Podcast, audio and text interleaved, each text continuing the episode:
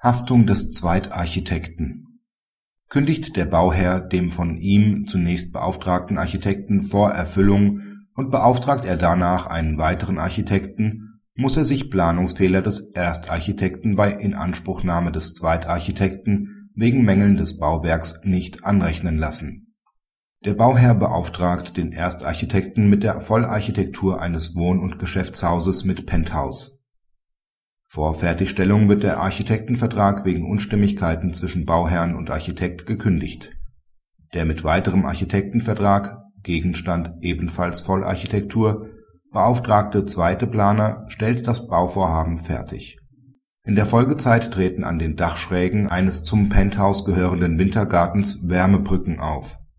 Diese Mängel basieren auf der durch den Zweitarchitekten übernommenen Planung des Erstarchitekten gegen den mit der Klage geltend gemachten Zahlungsanspruch des Bauherrn wendet der Zweitarchitekt ein, er habe die Haftung für die Wintergartenbauten nicht übernommen, weil die zugrunde liegenden Baupläne unstreitig nicht von ihm stammen.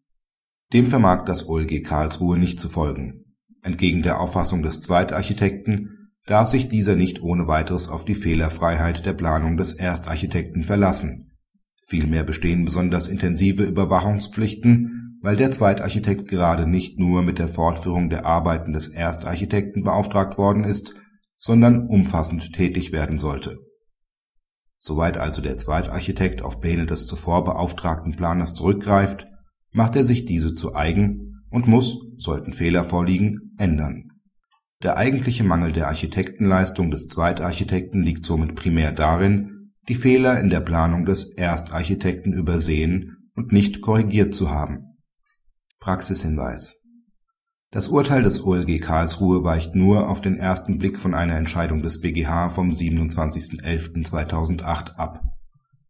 Hier hat der BGH festgestellt, dass sich der Bauherr bei Inanspruchnahme des bauleitenden Architekten Fehler des planenden Architekten im Rahmen des Mitverschuldens anrechnen lassen muss. In der damals vorliegenden Konstellation lag, anders als hier ein arbeitsteiliges Tätigwerden der beiden beteiligten Architekten vor. Der Erstarchitekt erbrachte lediglich die Planung, der Zweitarchitekt die Bauüberwachung. Hier jedoch wurden beide Planer jeweils mit der Vollarchitektur beauftragt, ohne dass der Zweitarchitekt auf den Planungsgrundlagen des Erstarchitekten aufbauen sollte. Nur so war es dem Bauherrn möglich, den Zweitarchitekten auch für die Pläne des zuerst tätig werdenden Kollegen vollumfänglich in Anspruch zu nehmen. Eine Obliegenheit zur Stellung mangelfreier Pläne und damit ein Mitverschulden des Bauherrn besteht in dieser Konstellation gerade nicht